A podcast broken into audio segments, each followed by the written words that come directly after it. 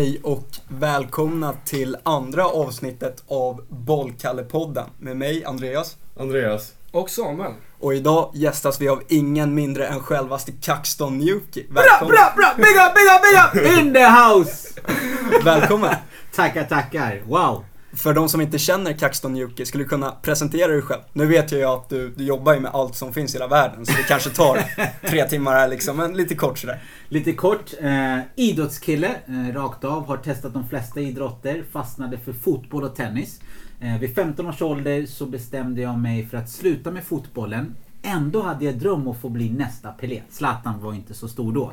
Eh, så att jag tänkte, nej men jag får väl bli nästa Björn Borg. Vid 20 års ålder så insåg jag, fan jag har för kort hår alltså. Ja, nej, det, det kommer inte fungera här med pannbandet, det, det, det är kört. Så att jag la ner eh, även tenniskarriären. Eh, under den tiden med massa myror i byxorna så var jag rapartist. Eh, var förband, allt, förband till Petter, Blues, Markoolio, you name it. Eh, så jag älskar människor och, och, människor som vill utveckla sig, människor som har ett mål. Precis som ni grabbar med den här podden. Mm. Ja. Sveriges driftigaste kille helt enkelt. Ja, verkligen. Men eh, vi eh, eh, går som vanlig ordning till Samuel för fem snabba. Jajamän. Eh, fem snabba. Ja. Börjar som vanligt lite lätt. Okej. Max eller McDonalds? Ah, Max. Max. Eh, I tennis, en singel eller en dubbel? En singel. En singel. Eh, coacha eller spela? Coacha. Och eh, Roger Federer eller Rafael Nadal? Roger Federer. Yes. Och eh, vinst i Robinson eller ett SM-guld i tennis? Alltså vinst i Robinson alla dagar i veckan. Har man åkt ut först då vill man ju ta revansch alltså. Ja, du skulle ju kunna ta lite kort vad som eh, hände där då. Eh, det hände inte så mycket. Nej. För han ju inte ens komma på ön innan jag var ute ur tävlingen. Ja. Nej, det var så här att vi var åt, nio grabbar. Eh, var på båten på väg till Robinson och ön. Eh, men precis innan så började tävlingen med att vi skulle behöva simma in till land. Och jag vill bara säga det här. Jag kan simma för er som såg avsnittet. För det såg verkligen inte ut som det. Ja, det såg lite Eh, skumt ut faktiskt. Ja, jag förstår. När man hoppar i som en hund så kanske inte förtroendet är så högt. Eh, Jag fick faktiskt några pikar där efteråt när jag kom tillbaka. De bara du, min son har babysim på lördag. Du kanske ska haka på. Så de var på den nivån. Men, men jag tycker om kläder och stil och eh, jag hade väl helt enkelt för mycket kläder på mig. Jag hade liksom eh, militärbyxor, pikétröja, hatt och grejer. De andra som hade liksom shorts och ett vanligt linne hade en helt annan motstånd i vattnet. Så det var absolut inte mitt fel. Det var ju klädernas fel. Annars hade jag gått hur långt som helst. Du ska inte söka in igen då? Eh, nej, jag, men, men jag siktar, siktar på Let's Dance nu liksom. Oj, oj, kanske, oj. Kanske, kanske mer tur där. Vi får se. Det hoppas vi. Ja, tack. Om vi släpper lite sport och sånt för en stund så Ja. har vi förstått att du spelar i band. Eh, yes. Eller spelade ja, i band. precis. Stämmer, stämmer. Eh, varför slutade du där? Eh, jag slutade när jag var 19, skulle bli 20 år gammal. Eh, vi hade som sagt turnerat runt från norr till söder. Men det var inte så mycket pengar i rapmusiken då. Eh, jag ville flytta hemifrån liksom. Det var lite jobbigt att ta hem äh, ja, det, annan, det, det får vi ta en annan gång. Men man ville liksom flytta hemifrån helt enkelt. Och det kändes som att det här kommer inte liksom hålla sig i längden. Men också till det här med band så jobbade jag ju som turnéledare och manager i fyra år. Eh, med två grupper. Eh, första gruppen hette Folktåget och andra gruppen hette Fristaden. Eh, som bäst med Fristaden så spelade vi faktiskt 2016 eh, på Friends Arena tillsammans med Robin Bengtsson. Han vann Melodifestivalen det året och Albin och Lisa Ajax och många andra. Så det var en jätterolig tid faktiskt. Att stå på scen och att stå bakom scen och försöka hjälpa andra att lyckas med, med sina drömmar. Mm. Och sen så, vi förstod ju att eh, du ville ha en karriär inom fotbollen först. Stämmer? Men eh, vad var det som hände egentligen? Vad, Ja. Du slutade ganska tidigt. Ja, jag slutade när jag var 15 års ålder och Ja. det är liksom 15, ja, säg mellan 14 till 16 är ju väldigt kritiska åldrar liksom i de här bollsporterna. Eh, för, för min del så var det så här att eh, jag kom till ett vägskäl. Jag var bland de tre bästa i Sörmland i eh, tennis. Och det kunde man se. Liksom. Det fanns en ranking, du gick in och så där är du. I fotboll då visste du inte. Visst, du tillhör de bättre i Sörmland. Men det finns ju liksom ingen tydlighet att så här bra är du. Du kommer vara med i startelvan eller inte. Eh, så det var ju liksom en faktor eftersom jag var liksom lite vinnarskalle och ville verkligen bli bäst. Eh, så var det tydligare på tennisen, hur, hur bra du är. Eh, och sen också i mitt fall, jag pratar inte så ofta om det här men det här är ju liksom ändå internationella poddagen så man måste släppa någonting som man kanske aldrig släppt förut. Eh, så var det så här att eh, som mörkhyad så eh, eh, ibland så kan man råka ut för diskrimine alltså dis diskriminering. Eh, och eh, i, i, mitt fall så var det så här, okej okay, om du satsar på tennisen då är det ingen som kan diskriminera dig för det är liksom din egen prestation. Har du vunnit matchen, förlorat matchen, du får rankingpoängen. Medan i fotboll så skulle det kunna vara så här, du gjorde 10 mål på träningen men tränaren säger så här, du du får börja på bänken för vi kommer ha en annan spelsystem just mot det här laget. Mm. Eh, så det var liksom också sådana faktorer som, som, som vägde in. Eh, och det är inte så ofta vi pratar om det här men, men jag tror att många med utländsk bakgrund har på ett annat sätt kanske känt på det här. Eh, att, att kanske bli petad på grund utav faktorer som de kanske inte riktigt kan påverka själva. Mm. Uh, och det, det är ju som sagt mycket snack om tennis, så det var väl därför, det är väl det du representerar här idag. Uh, så hur kom du först i kontakt med tennisen? Ja, jättebra fråga där Adde. Uh, det är så här att min pappa spelade tennis redan i Uganda och då tänker man så här, oh shit, vadå bland buskarna och djungeln eller... Du vet, det är skämt åsido. Men det är oftast inte sådana bilder man får se här i väst. Att, jaha, vadå, det fanns tennisbanor där. Min pappa gick på en internatskola eh, simmade, spelade tennis, cricket, massa olika idrotter. För där är systemet uppbyggt lite grann som i USA med college. Så att det är skolor som liksom tävlar mot varandra. Föreningssystemet som vi har i Sverige som är helt fantastiskt är ju inte lika utbyggt, alltså brett mm. på samma sätt. Där är det mer country club och du måste vara ganska rik för att mm. vara medlem där. Så det var helt enkelt min pappa som gjorde att jag började spela tennis för att det var ett enkelt sätt att integreras in i svenska samhället. Mm. Så när vi flydde då till Sverige så frågade han efter en tennisklubb och det fanns en tennisklubb i Oxelösund. Han började jobba där som timanställd.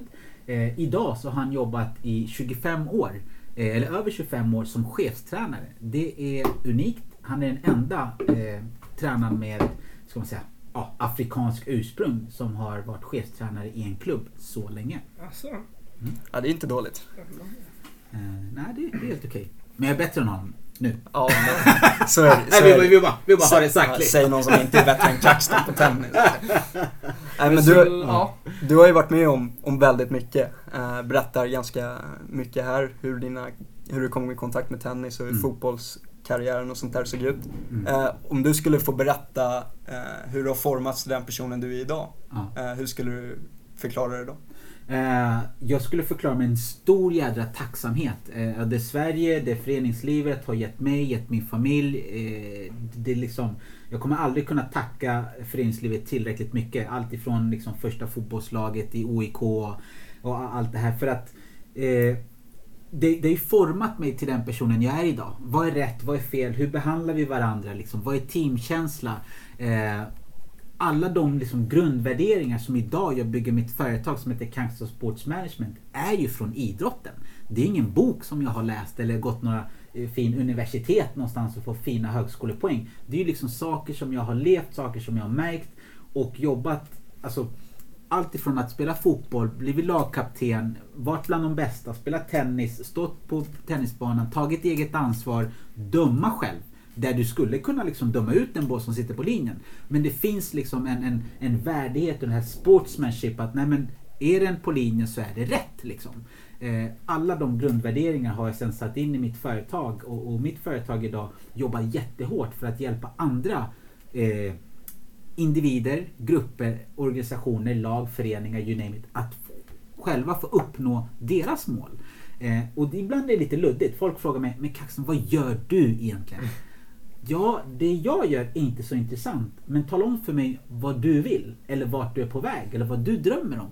Mm. Sen kan jag se på vilket sätt kan jag eller mitt kontaktnät hjälpa dig. Mm. Ja, väldigt bra svar. Väldigt bra svar. Ja. Ni har ju, du har ju varit med i grabbarnas här innebandylag vad jag har ja. förstått. Vad, vad gjorde du där? Jag gjorde ingenting. Jag försökte, ingenting. Jag försökte komma dit, se glad ut och... och eh, jag vill först och främst säga som det var... Alltså, Adde Andreas, det var ju en otrolig tid att få hänga med grabbarna, hela laget. Alltså, det var ju liksom fyra lag totalt va? I ett, så det var ganska mm. många spelare. Mm. Eh, många olika personligheter, jättekul. Eh, för att, att, att, att, försöka kunna bli alltså coacha individuellt men samtidigt hela laget och få alla liksom att få samma bild av situationen. Vad är glädje? Vad är kommunikation? Hur, hur visar Andreas kommunikation? Hur visar Adde glädje? Och de här bitarna. Hur kämpar vi tillsammans? Hur, hur övervinner vi eh, olika spöken? Den här hallen spelar vi inte bra på. Det är inget bra underlag. Det är allt sånt som kan dyka upp. Eh, och jag, jag är så här, jag brukar alltid säga, jag är inte expert. Liksom. Jag kommer in i innebandyn. Jag kan knappt själv spela innebandy. Eh, men det jag är nyfiken på det är människorna som spelar innebandy. Hur tänker de? Hur agerar de? Varför gör de som de gör? Hur kan jag hjälpa dem? Hur kan jag hjälpa ledarna att i sin tur hjälpa dem? Så det var väl lite kort det jag försökte göra. Sen, sen får de berätta själva om jag lyckades eller inte. Ja, Jo men det får man väl absolut säga att det gjorde. Det gjorde väldigt stort avtryck. Jag vet att eh, alla, alla grabbar gärna skulle vilja ha dig där, ja, hela tiden liksom. Ja. Tack. Så du gjorde, ett- gjorde ett jättebra jobb får man ju säga. Ja, det, det, det var askul. Det var galet roligt och jag kommer ihåg några situationer på match. Eh, när, jag, när de gjorde mål och jag var så jävla glad. Jag hoppade över sargen. De bara ej, ej, ej! Det får man inte göra. Då kan man ju liksom, jag tror laget kan ju få någon utvisning. Mm, Ja. Så, precis. så, så det får man inte göra. Och jag, bara, alltså jag gläddes med spelarna. Jag bara älskar dem varenda en. Det var så jävla kul. Men det spreds ju till alla också när Ja. du var glad. Ja. Alla blev ju glada av att du var glad. Ja, vad härligt. Och det var ju så häftig känsla, typ att du var glad så blev alla glada. Mm. Ja, ja, tack för att du säger Anders. Det betyder jättemycket. Ja. Nej, det, det, var, det, var, det var så kul. Jag har en till som var så här, riktigt rolig. Jag kommer inte ihåg vem fan var det som stod, men det spelar ingen roll. Han, han eh, fintade att han skulle kasta iväg bollen, men gjorde inte det. Och jag fattade ju inte den grejen. Så jag liksom kollade bort så här. Nej, det var ingen boll. Och jag började garva.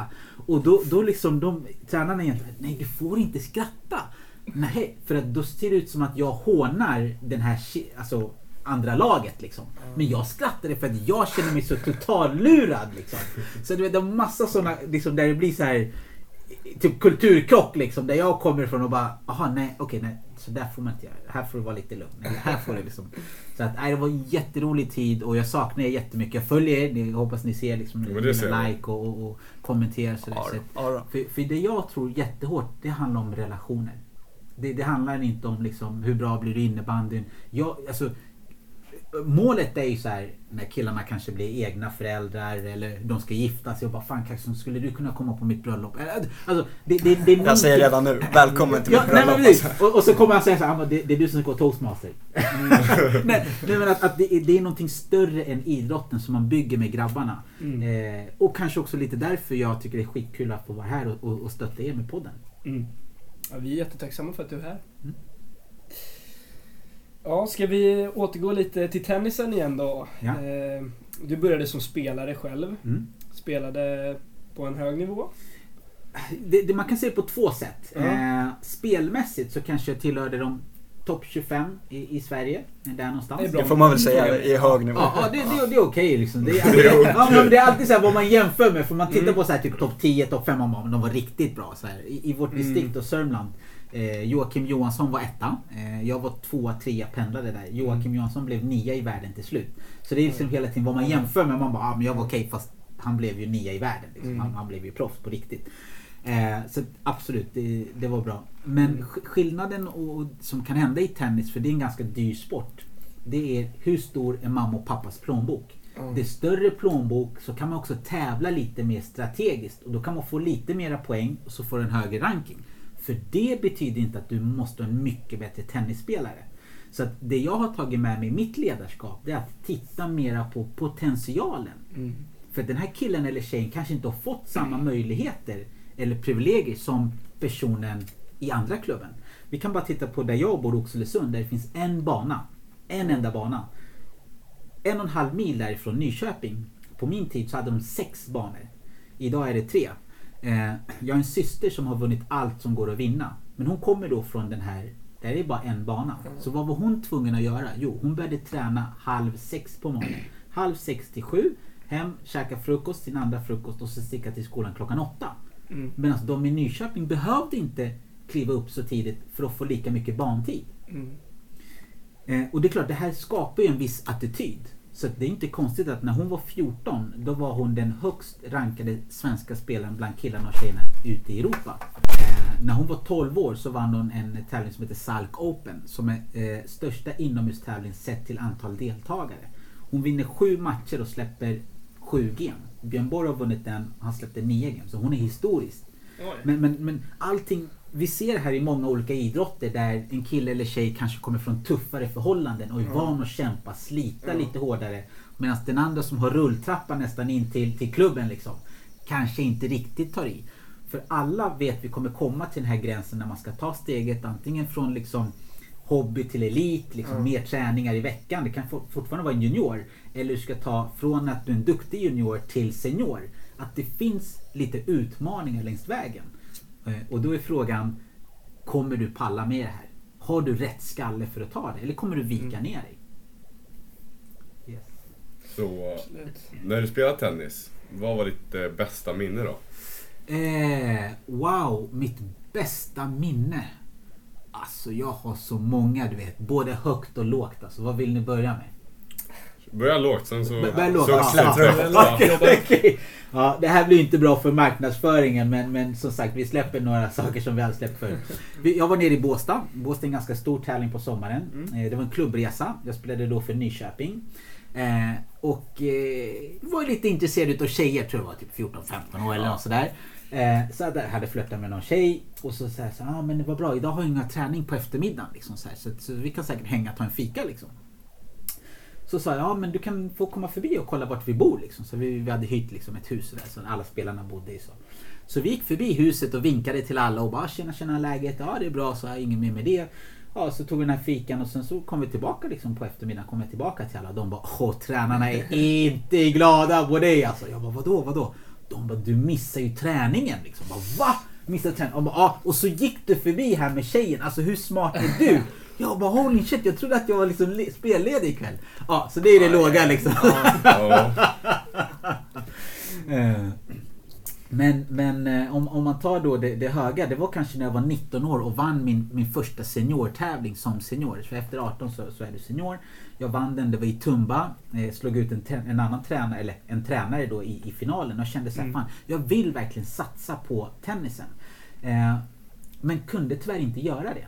Eh, just för att det krävdes för mycket ekonomiskt. Mina föräldrar kunde inte liksom tillhandahålla den ekonomin som skulle krävas. Jag var inte i rätt miljö.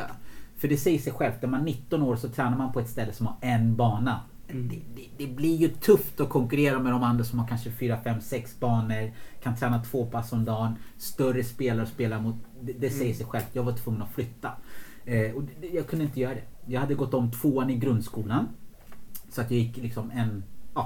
Klass bakom klass- din ålder. Exakt, min, min ålder. Så att det var inte enkelt för mig att bara flytta in till en annan, en annan gymnasium liksom då. Eh, och då bestämde jag mig där och då att nej, då skiter jag. Då satsar jag på att bli professionell tennistränare. Mm. Men, men det är liksom ett av mina liksom verkligen achievements där jag känner att där, där presterar jag bra som tennisspelare. När jag känner att ja, men här är jag på gång. Eh, sen att det inte kunde gå hela vägen, det är en annan femma. Liksom. Det där är ju ganska intressant ändå. Jag har aldrig upplevt tennis som en speciellt dyr sport. När man Mm. pratar dyra sporter tänker jag ofta hockey, jag Ridning. tänker Ja, ja, ridning ridning kanske framförallt. Ja, ridning är ju sjukt Mm. Kanske den dyraste sporten Ja, av dem alla. Ja. Ja. Nej, jag har aldrig upplevt Nej. eller tänkt på att tennis ska vara, ska vara så dyrt. Det känns som du behöver ett rack och ett par skor liksom. Sen är det bara att köra. Mm. Men eh, så kanske inte är fallet. Nej, det, det, det är inte det. Och det, det har ju mycket med alltså, eh, anmälningsavgiften, eller vad säger? Alltså terminsavgiften Ja, kostar ju olika beroende på vart du är någonstans. Men säg runda slängar runt 5000 kronor Ja, för att mm. spela en termin. Så bara där så är det en grym utslagning om man tänker sig på fotboll. Jag vet inte, vad kostar innebandy? Eh, I år låg den på 1500. Ja, Mm. så, så du ser liksom, det är nog en ganska stor skillnad att shit, betala 1500. Vi vet redan till exempel i innebandyt, det är inte jättemånga alltså med invandrarbakgrund som spelar innebandy. Så höjer vi priset till 5000 då, då ser vi liksom nu, nu, nu pratar vi inte om det är svenskt eller inte. Nu pratar vi så här, okej hur mycket tjänar dina föräldrar? Ja. För det är kanske överklassen som kommer nu kunna verkligen spela tennis. För det är bara terminsavgiften, sen ska du ut och tävla. Ja. Och vanlig anmälningsavgift kostar någonstans mellan 250-300 spänn. Sen Mm. förlorar ditt barn första matchen. Bensinpengar fram och tillbaka. Men, men nu är det så här. Era barn är självklart talanger. Så ni ska ju åka fram och tillbaka tre fyra gånger. Så bara den tävlingen i bensinpengar kanske kostar 1000-1500. Plus en anmälningsavgift. Sen när du är där, ja men kanske spela på kvällen. Ja, vad, du kanske ska köpa någonting till barn. Alltså det, pengarna bara, det bara Mm. rasslar iväg Mm. liksom. Eh, ja, Hur, hur lång är en eh, termin då? Du pratade om... Var sex, 16 veckor. Så om man tar hösten, det är liksom betala för den. Och sen Mm. våren, betala för den. Ja, det, var, det är mycket alltså. Det blir en del liksom. alltså. Ja. Eh, Nu tänker jag innebandy, då betalar man mig för, för en säsong och då är det ju från ja, hela försäsongen egentligen som vanligtvis drar igång i Mm. det, augusti Tio till, månader liksom. ja, till april någonstans. Ja. Ja, det, det, är- det är helt sjukt. För att jag började coacha en hockeykille. Det är, det är en termin är 7 500 Mm. och sen två det är 15 000. Liksom. Mm. Ja men hockey är Ja. ju... Sen är det allt dyrt. Man har material. hört helt sjuka grejer om folk som Ja. måste betala för att lira i Ja. ett lag eller... Ja. Faktiskt. Mm. Men eh, vi har förstått att du har eh, en del eh, meriter som tenniscoach. Har vunnit en del grejer med Ja. spelare. Berätta Ja, lite. eh, absolut. Eh, om, om man tittar bara i Sverige så... Eh, det, alltså det, jag vet inte, det låter skrytigt men det finns nog ingen tävling utav de stora som jag inte haft en spelare som har vunnit och då pratar Mm. vi SM inne ute, eh, Båstad, eh, Salk, eh, Kalanka Cup. Eh, vid ett, ett år, då var tjejerna 15, alltså födda 94. Eh, då hade jag ettan, tvåan, trean i, som, som jag jobbade med som var i mitt stall. Liksom. Och sen har jag Eh, syrran har ju varit i final fem år i rad. Och då ska man veta att varannat år spelar du med de som är ett år äldre än dig. Mm. Salk så eh, när de var 15 så hade jag både ettan, alltså finalisterna, ett år ung. Eh, båda har spelat EM. Eh, Elitserien tror min syster har vunnit den tre, fyra gånger. Varit i final fem gånger totalt. Eh, haft en tjej som har spelat Junior Grand Slam. Eh, 2012 var vi i Australien med henne. Eh, jag har vunnit eh, Nordiska mästerskapen Eh, med flickor, vad var de då? då? Var de, ja, då var de 15 och silver också med, med flickor 15. Eh, så så att, ja, det, det mesta du kan vinna och coachat på EM, VM-kval då. Eh, eh internationellt, landskamper, eh, åkt ut sex år, reste på juniorvärldstouren ut i världen. Alltifrån Ryssland till Egypten till, ja, you name it, Australien. Så att, eh, ja, idrotten har gett mig jätte, jättemycket. Så du har varit lite överallt kan man säga och Ja. coachat tennis. Och vunnit. Och Ja, vunnit vunnit, såklart. Ja. Men är det så att eh, är man tennisspelare då vet man vem Kaxton Juke är. För anlitar man honom då blir man fan proffs alltså. Det, det, proffs, det är kanske för mycket press att sätta både på mig och på, på, på den aktiva. Men vi, det vi säger, alltså det jag kan säga på rak arm det är att om, om inte du blir bättre än, än vad du var innan då, då hugger jag armen av mig. Mm. Ja, Nej, är men, men jag, jag, eh, jag sätter ganska stor vikt på att eh, utbilda. Och, och det där, för mig handlar det om att jag, jag, liksom, jag coachar inte en teknik. Även om tekniskt sett så kommer det bli bättre, eller taktiskt sett. Det primära i mitt ledarskap det är att utbilda spelaren. Så att spelaren kan själv välja den teknik som passar biomekaniken på bästa möjliga sätt. Det låter väldigt liksom, invecklat. Men det är ju så här, vi vet hur våra leder fungerar i kroppen. Mm. Men eh, ni tre kommer säkert ha lite variation i hur ni slår eller hur ni agerar utifrån er personlighet. Mm. Och det, Absolut. det är bara att titta på plan. Någon är back, någon är mittfält, någon är center, någon är så, och så vidare. Men, men vi är samma kroppar som rör sig. Mm. Så det handlar ju bara om att okej, om du är målvakt så kommer du röra dig på bästa sättet så här. Eh, hur vill du vara som målvakt? Hur vill du stå? Om vi tar MMA-fighter, är du en som ligger ner eller en som står upp? Det är olika tekniker. Men du måste själv bestämma, okej jag är en fighter som vill stå upp. Eller jag är en fighter som vill liksom ligga ner och brottas lite mera. Och då jobbar vi med det. Men det är ingenting som en tränare kan bestämma. Det bestämmer du själv vad du vill. Och utifrån det så kan jag börja säga det finns de här olika greppen. Det kan du använda i de här situationerna. Sen är det din egen kreativitet, fantasi och när du väl är i stunden, vilket grepp du använder. Mm. Så det gäller helt enkelt att vara anpassningsbar som coach. Då. Absolut, de coacher som tror att de sitter på facit, liksom, de, de är ute och cyklar. För att facit har ju egentligen den aktive själv.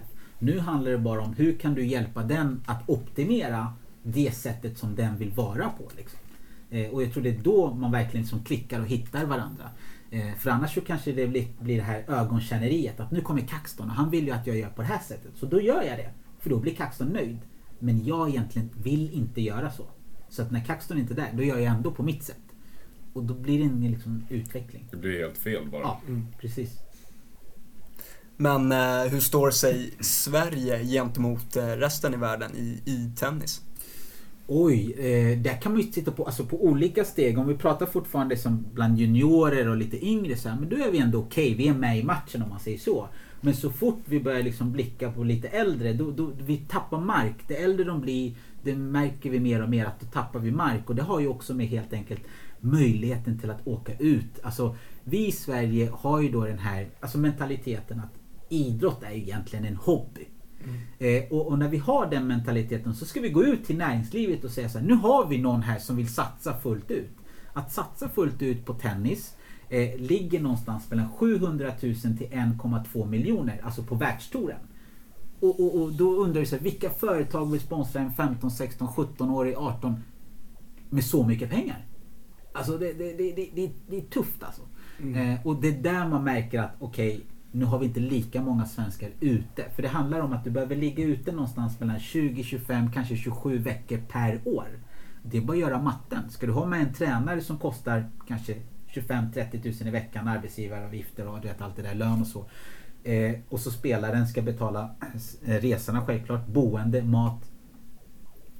Det blir dyrt. Det, det, det, blir, det blir dyrt alltså. Och, och tyvärr så, så är det så. Jag har sagt många gånger, hade min syster kanske varit i England eller USA, alltså andra länder som är lite mer så här, Fan nu kör vi, här har vi en mm. stjärna, vi kastar lite pengar på den. Eller vi, vi, liksom en, en annan sorts mentalitet. Mm. Hon kanske till och med hade varit miljonär utifrån de resultaten hon har gjort. Mm. Så hade hon haft mycket, mycket större sponsorer. Eh, det kanske låter konstigt för alla er lyssnare där ute men det är ju så här att saker som vi har stött på är så här, Nej, vi sponsrar bara lag. Mm. Nej, vi, vi liksom, det står i vår policy att nej. Då, då, men hon är ju hon är den största, mm. här, hon är bland de största i Sverige. Nej, men vi vill ju hellre ge till en bredd. Många ska få ta del utav det här. Och det är väl jättebra.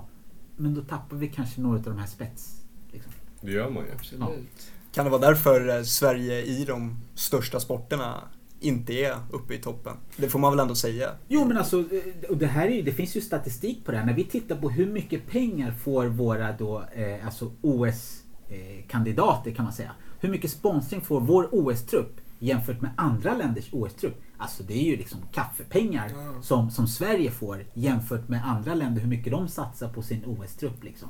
Så det, det, vi har en annan mentalitet. Jag säger inte att det är fel för om man tittar på samhällsklimat, alltså överlag så är det bra för att det är många som får röra sig, många får aktivera sig, många får komma in i föreningslivet. Och det är ju bra för samhället. Men pratar vi att vi ska ta OS-medaljer, vi ska skapa nästa Nadal Federer från Sverige. Ja, då, då, det blir svårt liksom. Fast någon gång så borde man ju liksom kunna satsa. Alltså inte hela tiden men man ser så här, shit, det här är en framtida stjärna. Mm. Kanske satsa lite på den. Jag, jag, tycker du har helt rätt där Andreas, men, men ja, kanske när ni blir företagare som har den här bakgrunden eh, kommer ni kunna våga satsa. För det vi ser i alla fall inom tennisen det är att de företag som har någon som tennisanknytning, chefen, VD, någon liksom högt upp som tar beslut brinner för sporten. Mm. Ja, då, då är de med också och stöttar. Mm. Eh, men finns liksom inte riktigt den passionen där, då är det jättesvårt. Samma sak med motorsport, också en sjukt dyr sport. Och där ser man också, de företagen som, som är där har oftast VD eller liksom andra på höga poster som har själva hållit på med motorsport. Som vet att, att det, det, här kostar mm. mycket så här vill vi vara med och hjälpa till. Mm. Men, men gemene man liksom överlag så är det så här, nej vi, vi, vi vill liksom satsa på många. Eh, det är inte fel men vi tappar toppen då. Mm. Eh, men du har ju sett många amatörer ta steget till proffs. Eller jag är helt ute och cyklar om jag säger det. Ja, eh, och vilka idrotter eller bara så att jag hänger med lite? Ja, men tennis framförallt då. Ja, ja absolut. absolut. Ja. Eh, hur skulle du säga att för de som lyssnar och vill bli proffs, eh, hur ska man göra?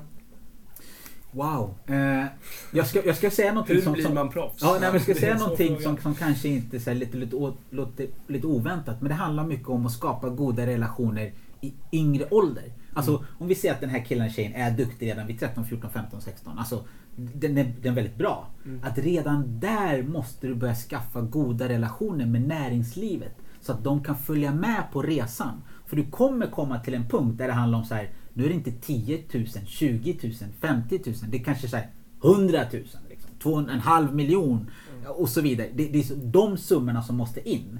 Och det är ganska svårt att komma från ingenstans och knacka på ICA Eller vilket företag det nu är så här, du jag undrar ifall ni skulle vilja stötta mig med 100 000. Och bara, vem, vem, vem, vem, vem är du liksom? 100 000 liksom. Vi börjar på 10 000 och så ser vi.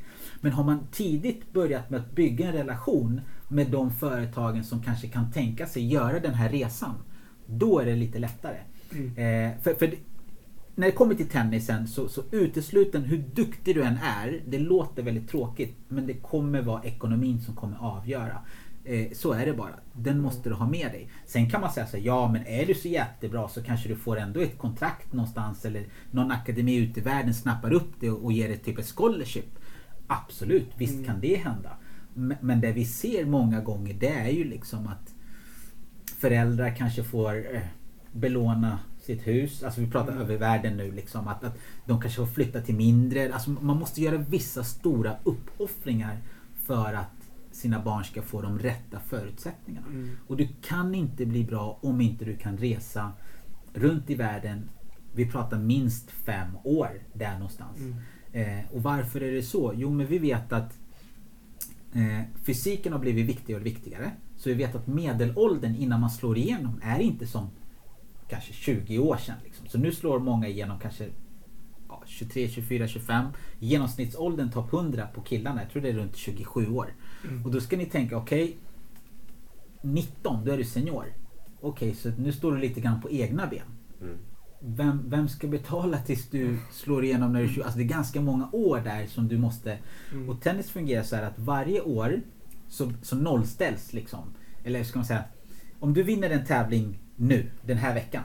Nästa år, den här veckan, då försvinner alla de poängen som du fick. Så säg att du fick 100 poäng den här veckan. Då försvinner de. Så du måste prestera lika Mm. bra, alltså vinna tävlingen igen. Eller du spelar en annan tävling som ger dig mera poäng för att kunna öka. Mm. Så du förstår, det är en jädra press. Så du kan inte bara spela bra ett år. För nästa år, om inte du spelar lika bra eller bättre, då går du ner i rankingen. Eh, Då så, måste man ha möjligheten att verkligen kunna ligga i då. Och Ja. tävla. ja. Mm. och, och, och just också att den här pressen att och det kan gå lite dåligt. För tänk dig själv, om du måste leverera varje vecka. Det är ju tufft. Därför behöver du en budget som också tillåter att ja, men vissa veckor så går det skit. Liksom. Mm. Men det är lugnt, du kommer ändå kunna få åka till England nästa vecka istället för att nej, nu torskar du så att det, det funkar inte. Liksom. Mm. Vi på Bollkallepodden har varit idrottsaktiva i hela våra liv. Idrotten är en stor del av vår identitet och vi har svårt att tänka oss ett liv utan den. Men alla har inte möjligheten att ta del av det fantastiska som finns i föreningslivet. På grund av att man helt enkelt inte har råd. Därför är det en stor ära att meddela att vi på Bollkallepodden är i samarbete med Fritidshjälpen. Nolltolerans mot utanförskap, det är föreningens Fritidshjälpen. Föreningen Fritidshjälpen är en organisation vars mål är nolltolerans mot utanförskap. Vår vision är att alla barn och unga ska ha rätt till en meningsfull fritid oavsett ekonomiska förutsättningar i familjen. Vi stöttar bland annat familjer som av olika anledningar inte har möjlighet att låta sina barn fortsätta delta i fritidsaktiviteter inom såväl idrott som kultur. Vi vill också aktivt lyfta och öka medvetenheten för sambandet mellan utanförskap och ökad risk för psykisk ohälsa, missbruk och kriminalitet.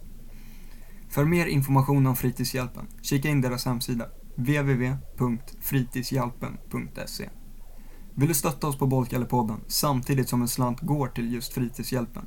Swisha oss på 070 872 5606.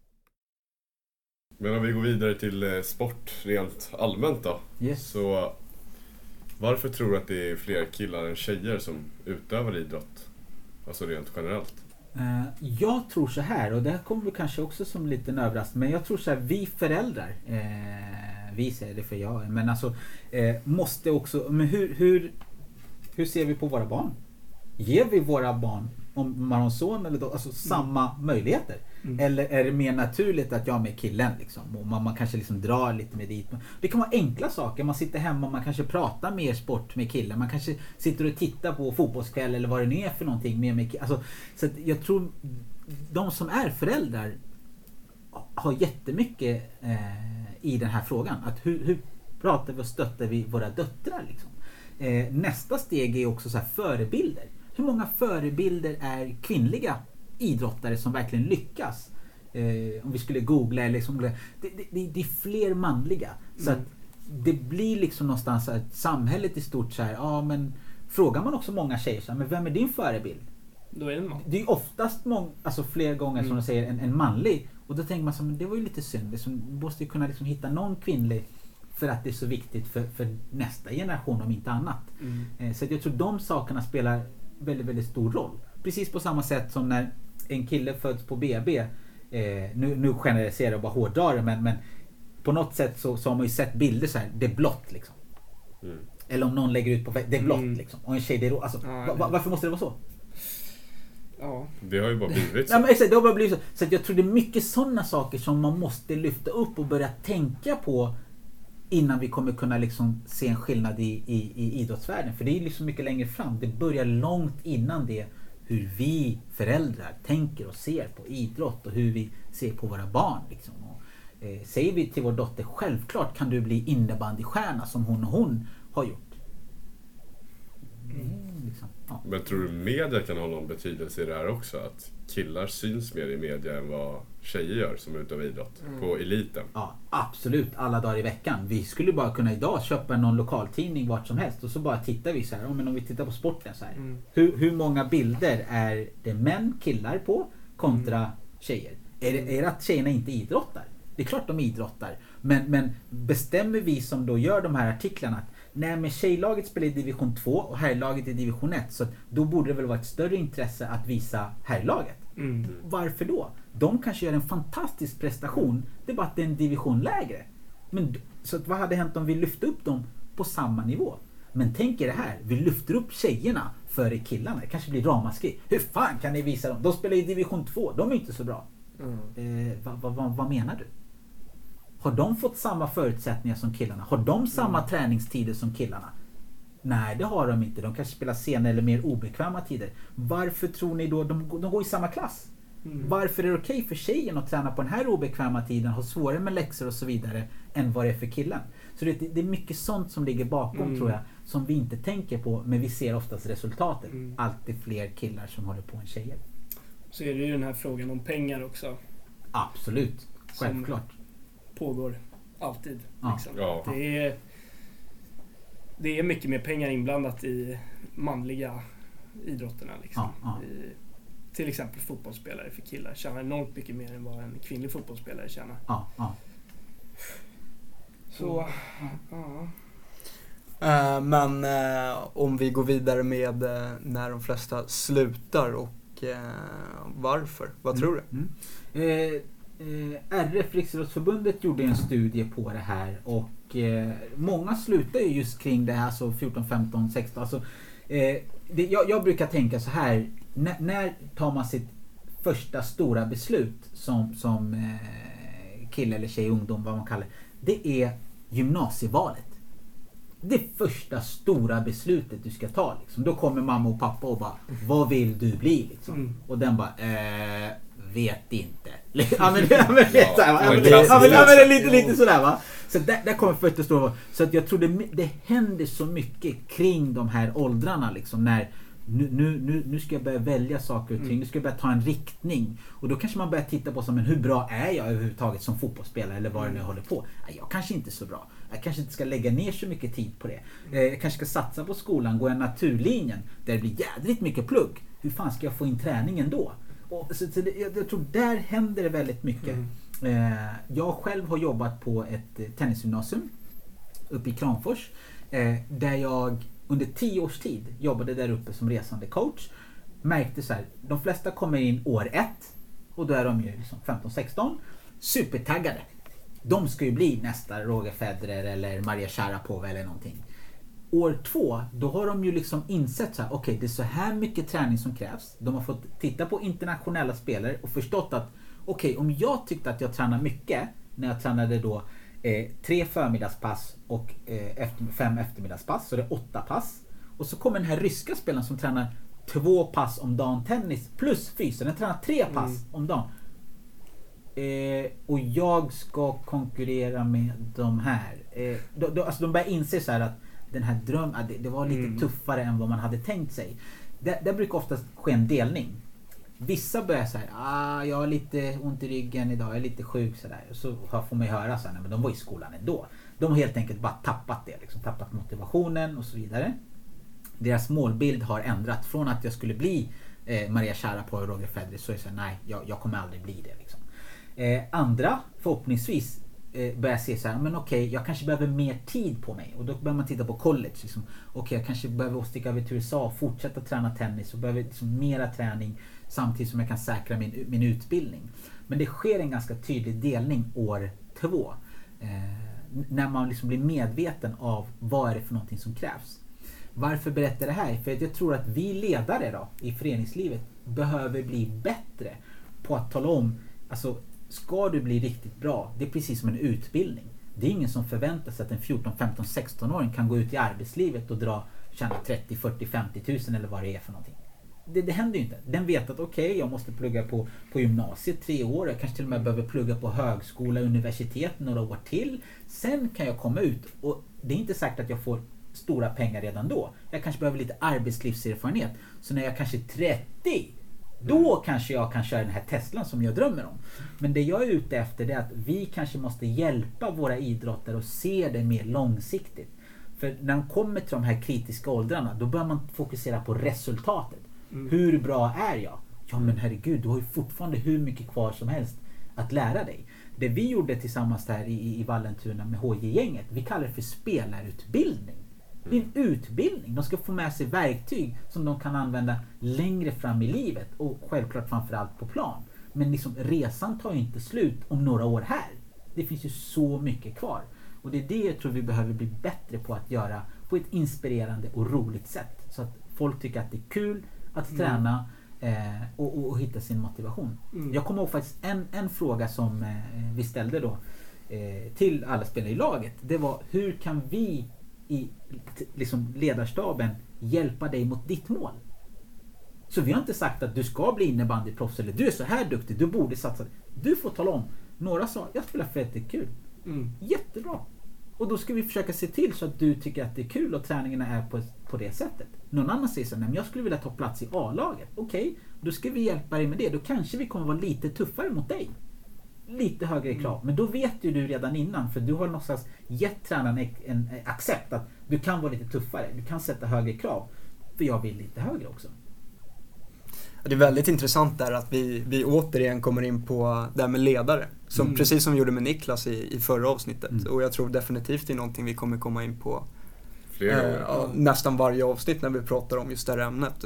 Just hur stor, stor makt ledarna har och Speciellt i ung ålder. Ja, precis. Ja, man märker ju som du sa, 14, 15, 16, de flesta slutar. Det är ju sjukt tidigt och det är väl lite det syftet med podden är. Att mm. Varför blir det så? Hur kan man motverka det liksom? Mm. Väldigt, väldigt bra svar, mm. får man väl ändå säga. Uh, så.